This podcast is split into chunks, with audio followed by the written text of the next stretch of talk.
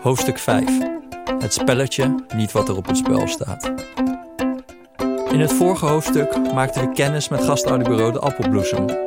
Oprichter Jan V. bleek de Belastingdienst te hebben opgelicht. Toch waren het de ouders die de grote bedragen moesten terugbetalen. Het ministerie van Sociale Zaken en Werkgelegenheid zag geen mogelijkheid om ouders tegemoet te komen. In dit hoofdstuk keert een belangrijke maatregel tegen fraude zich onverwacht tegen de staatssecretaris. Den Haag, Tweede Kamer, dinsdag 15 januari 2014. Ik heb me samen met heel Nederland groen en geel geërgerd bij elk bericht over fraude, begint Pieter Omtzigt. De fraudebendes zijn steeds beter georganiseerd en halen als een geoliede machine toeslagen binnen. Het belastinggeld van Nederlandse burgers wordt weggespoeld en de staatssecretaris doet nog steeds te weinig. We hebben genoeg maatregelen voor de bühne gezien, briest het Kamerlid.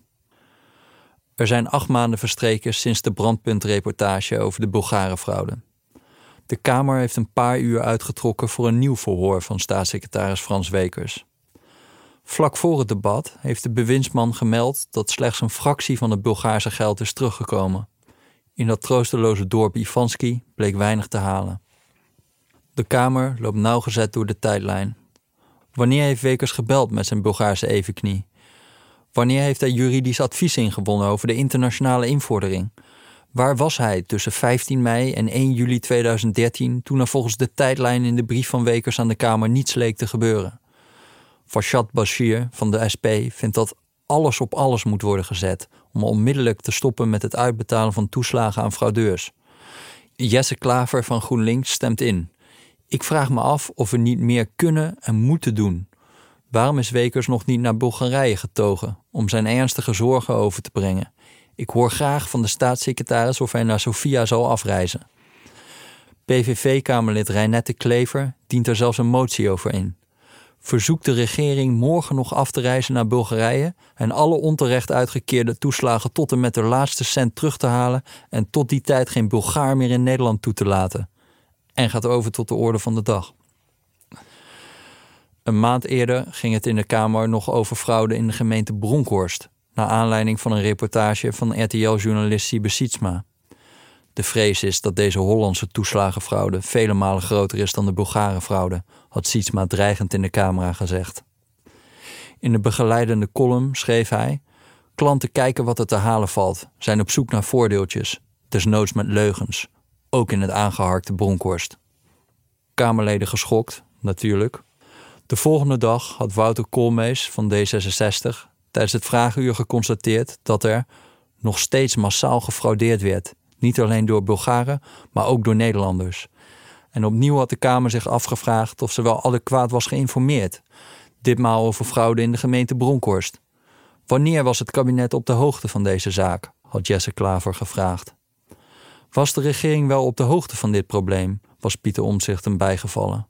Waarom is dit niet aan de Kamer medegedeeld? Wanneer wordt het alsnog aan de Kamer medegedeeld?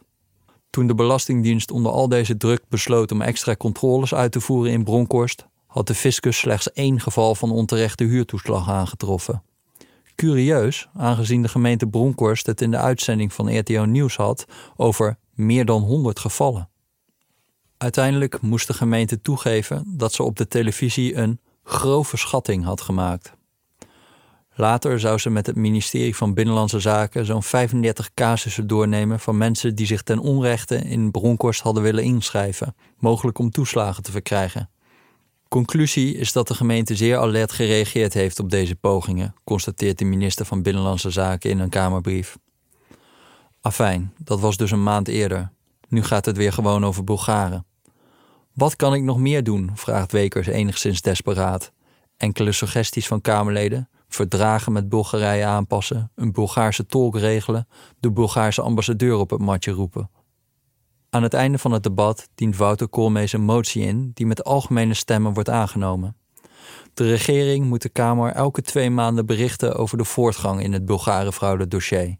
Wekers staat onder curatele. Meneer Wekers, er bereiken RTL Nieuws berichten dat zo'n 125.000 mensen al een maand twee maanden op hun toeslag zitten te wachten. Klopt dat?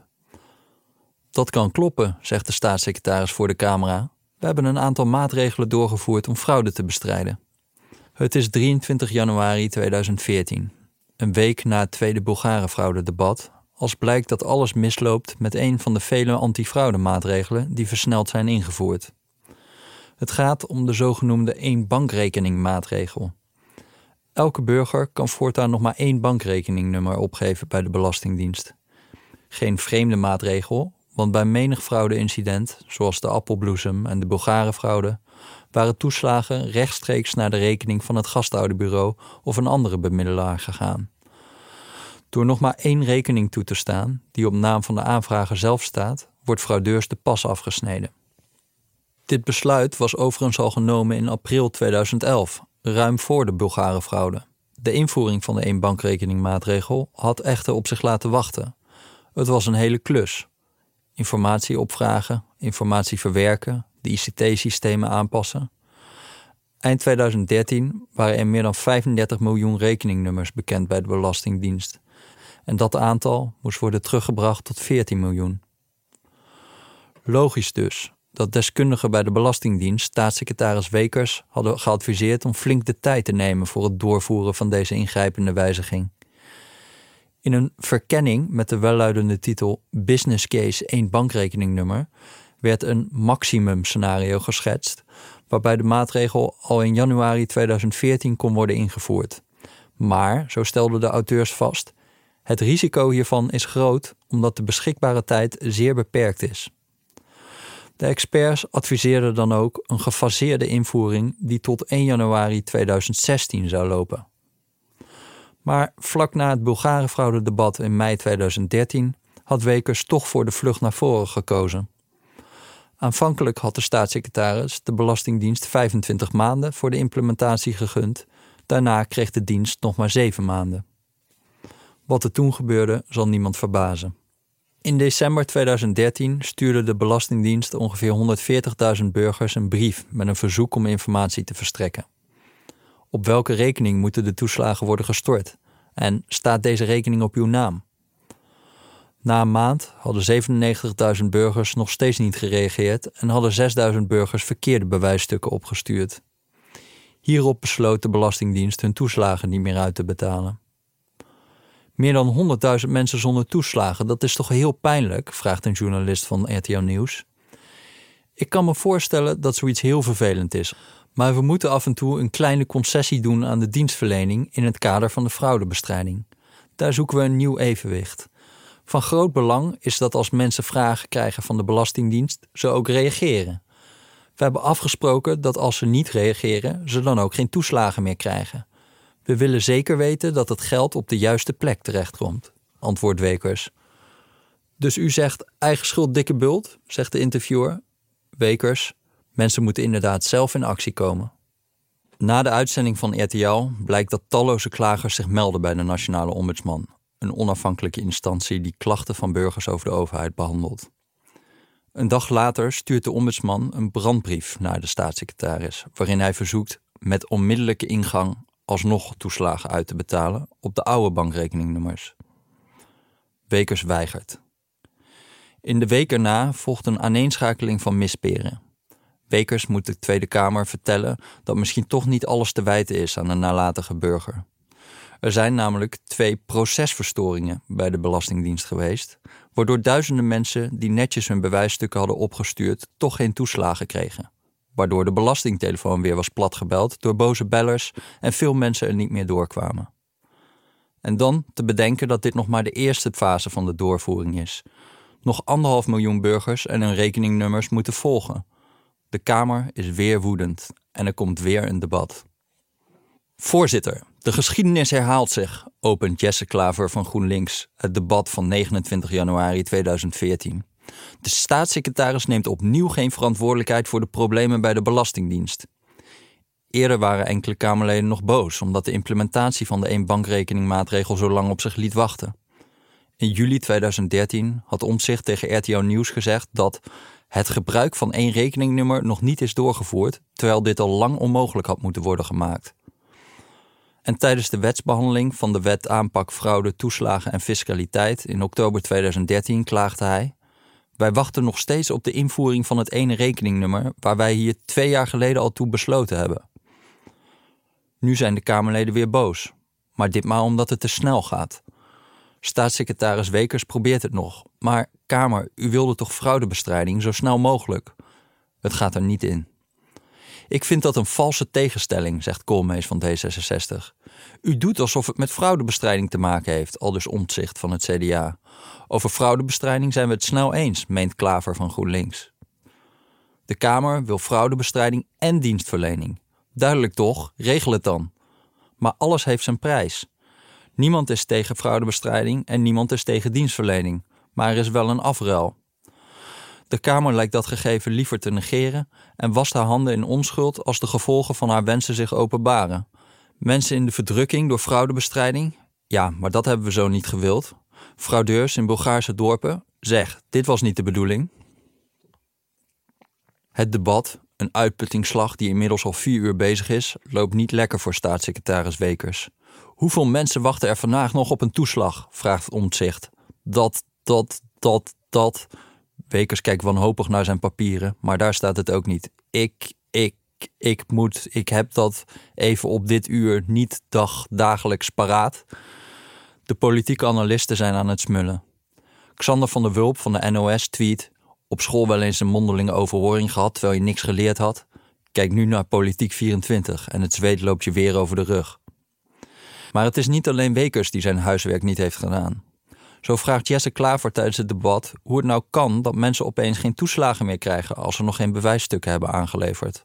Hoe bestaat het dat de toeslag wordt stopgezet op het moment dat het verificatieproces ingaat, zegt hij. Volgens mij zijn we in dit land nog altijd onschuldig totdat anders bewezen is. Een vreemde opmerking, want dit was gewoon afgesproken toen de Tweede Kamer in april 2011 instemde met de één bankrekeningmaatregel. Geen toeslag tot je het juiste rekeningnummer doorgeeft. Een paar maanden voor dit debat heeft GroenLinks notabene voor de nog strengere wet aanpak fraude, toeslagen en fiscaliteit gestemd. Een wet die hetzelfde bewerkstelligt voor alle toeslagaanvragen. Eerst bewijzen, dan pas geld. Zo gaat het vaker. Kamerleden zijn boos, maar slecht op de hoogte van de concrete gevolgen van hun eigen wensen. Vervolgens krijgen bewindslieden daar de schuld van. Waarom hebben ze de Kamer niet geïnformeerd? Maar informatievoorziening is meestal niet het probleem. Kamerleden kennen hun eigen dossiers gewoon slecht. Dat is zorgelijk, maar je kunt het de Kamerleden ook moeilijk verwijten. Steeds meer en steeds kleinere partijen maken dat een Kamerlid zich over steeds meer dossiers moet buigen. Zo was Jesse Klaver in 2014 woordvoerder op de dossiers Buitenlandse Zaken, Defensie, Europese Zaken, Financiën, Onderwijs, Cultuur, Wetenschap, Rijksuitgaven, Sociale Zaken, Jeugdzorg, volksgezondheid, economische zaken en landbouw. Nee, dan had Pieter Omzicht het makkelijker. Hij voerde slechts het woord over buitenlandse zaken, Europese zaken, financiën, rijksuitgaven, sociale zaken, werkgelegenheid, het Europese Veiligheids- en Defensieassemblee. En dat mogen die Kamerleden doen met één FTE aan fractieondersteuning. Prettige wedstrijd. Toch is het de vraag of meer fractieondersteuning zou helpen. Veel fracties verwachten namelijk dat hun Kamerleden zichtbaar zijn. En dus gaat iedere fraudereportage gepaard met een shot van een Kamerlid dat geschokt is en opheldering eist. Licht, camera, actie. Fraude door Bulgaren, spoeddebat. Fraude in de gemeente Bronkhorst, feitenrelaas. Fraude door Polen, kamervragen. De agenda van de Kamer stroomt op deze manier vol met debatten over incidenten. Ministeries raken overvoerd met Kamervragen over details en het regent symboolmoties waarvan de belangrijkste zin meestal de laatste is en over tot de orde van de dag. Hoe is het zover gekomen? Een belangrijke factor is dat de oppositie sinds 2004 een grote invloed heeft op de agenda van de Tweede Kamer. In dat jaar werd het reglement van orde aangepast, waardoor het makkelijker werd om debatten aan te vragen. Sindsdien kun je met 30 Kamerleden al een spoeddebat aanvragen. Tegenwoordig het 30 leden debat geheten, omdat zo'n spoeddebat soms pas over een jaar kon worden ingepland. Waar voorheen zo'n 20% van de agenda van de Tweede Kamer door de oppositie werd bepaald, werd dit na de invoering van het spoeddebat bijna 60%. Spoeddebatten gaan vrijwel altijd over incidenten in de media. waarbij de oppositie haar invloed vooral aanwendt om zichtbaarheid te genereren. In dit soort debatten wordt steeds om oplossingen gevraagd voordat goed en wel in kaart is gebracht wat nu eigenlijk het probleem is. Het geheugen van de Tweede Kamer is kort, zodat het verband tussen de problemen van vandaag en de oplossingen van gisteren zelden wordt opgemerkt. Spoeddebatten gaan dan ook niet over de belangrijkste taak van het parlement: wetgeving. De harde waarheid is dat er aan het verbeteren van wetgeving weinig eer valt te behalen. Althans, niet voor Kamerleden die zichtbaar willen zijn. De meeste wetsvoorstellen ontvangen namelijk geen enkele media-aandacht. Over slechts één op de vijf wetten verschijnt een artikel in een landelijk dagblad en maar één op de tien wetten krijgt meer dan vijf artikelen in de krant. Zo kan het gebeuren dat vrijwel niemand in Nederland doorheeft dat staatssecretaris Wekers, te midden van de nationale fraudeobsessie, een nogal opmerkelijk besluit neemt. Hij beslist in september 2013 om de inkeerregeling voor zogenoemde zwartspaarders te verruimen. Dit zijn belastingfraudeurs die hun geld op bijvoorbeeld een Zwitserse bankrekening stalden en daar nooit melding van hebben gemaakt. Zij krijgen nu van Wekers de mogelijkheid om boetevrij hun zonde op te biechten. Een laatste kans om schoon schip te maken, schrijft Wekers. Zo'n laatste kans hebben de zwartspaarders vier jaar eerder trouwens ook al gekregen. En uiteindelijk blijkt ook dit niet de laatste kans, want de regeling zal met nog een half jaar worden verlengd. In de Tweede Kamer is er nauwelijks debat over de inkeerregeling voor mensen die jaar in jaar uit hun forse vermogens verzwegen voor de fiscus. Alleen D66-Kamerlid Wouter Koolmees merkt op dat het zeer onrechtvaardig is als fraudeurs er zonder boete vanaf komen. Hij wijst er fijntjes op dat de gehele Tweede Kamer wel hard optreedt tegen fraude met toeslagen. In de media blijft het eveneens stil. Terwijl de kranten volstaan met artikelen en columns over de Bulgarenfraude, vliegt de invoering van de inkeerregeling onder de radar. In de landelijke dagbladen verschijnt het als een kortje op pagina zoveel. Of nou ja, er verschijnt nog wel een artikel van twee advocaten in NRC Handelsblad. Inkeerregeling riekt naar ongelijkheid. Het probleem, schrijven zij, is niet dat fraudeurs er zonder boete vanaf komen, maar dat eerdere fraudeurs wel een boete krijgen en andere fraudeurs nu niet. In strijd met het gelijkheidsbeginsel, klagen de pleiters. De verwachting van Wekers is dat zich ongeveer duizend zwartspaarders zullen melden. Het worden er 17.000, die gemiddeld zo'n 410.000 euro per persoon aan zwart vermogen opgeven. De belastingopbrengst van de inkeerregeling bedraagt zo'n 600 miljoen euro. Dat is zo'n 150 keer de Bulgarenfraude en zo'n 36 keer het bedrag dat met alle toeslagenfraudezaken van 2006 tot 2013 is gemoeid. Het is inmiddels 11 uur geweest. Het debat met staatssecretaris Wekers over de gevolgen van de eenbankrekeningmaatregel is al uren gaande. Politiek verslaggever Ferry Mingelen zit bij Pauw en Witteman om het debakel te duiden. Zal Wekers nu eindelijk vertrekken? vraagt Jeroen Pauw zich af. Ja, je hebt van die boxers, die krijgen klap op klap en die gaan toch door, legt Mingelen uit.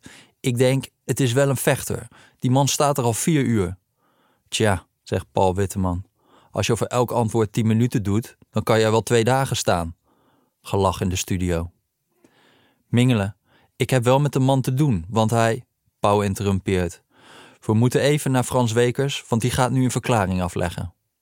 De kijkers zien nog net het staartje van zijn verklaring. Daarom heb ik besloten om morgen mijn ontslag aan te bieden aan de koning. Pauw, nou Ferry, je zei net nog, het is een bokser. Wekers is weg. De columnistiek weet er wel raad mee. Opiniemaker Gustav Bessems vertelt bij BNR over zijn eigen zenuwen toen hij als kind een spreekbeurt over pacemakers hield. Hij dacht er nog eens aan toen hij Wekers zag stamelen. En nergens een juf in de buurt die hem aan het eind met een cijfer kon matsen, zei hij. Dodelijke column, twittert een lezer. Ach, Frans Wekers, schrijft Bert Wagendorp in zijn postmortem in de Volkskrant. Altijd wanneer ik hem op televisie zag, dacht ik dat ik naar Lucky TV zat te kijken. Maar dan was het dus gewoon Frans Wekers. Een kut, met zijn eigen stem. Het voordeel van dit genre columnistiek is dat je niets hoeft te weten van de eenbankrekeningmaatregel. Niets van de ICT-infrastructuur bij de Belastingdienst. Niets van de wet aanpak fraude, toeslagen en fiscaliteit. Nee, je hoeft slechts te zien dat de rug van de staatssecretaris druipt van het zweet. Het gaat over het spelletje, niet wat er op het spel staat. Het gaat over hoe het probleem oogt, ruikt en smaakt, niet over wat het probleem is. Je kunt dat de media verwijten, maar wij, de kiezer, de kijker, doen daar even goed aan mee. We klagen over het gebrek aan inhoud op de televisie of in de politiek.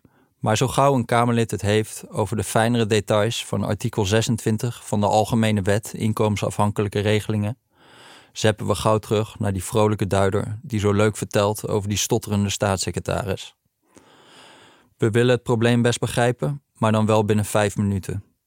Met die spelregel wordt elk kwaad in de wereld teruggebracht tot dwazen en schurken.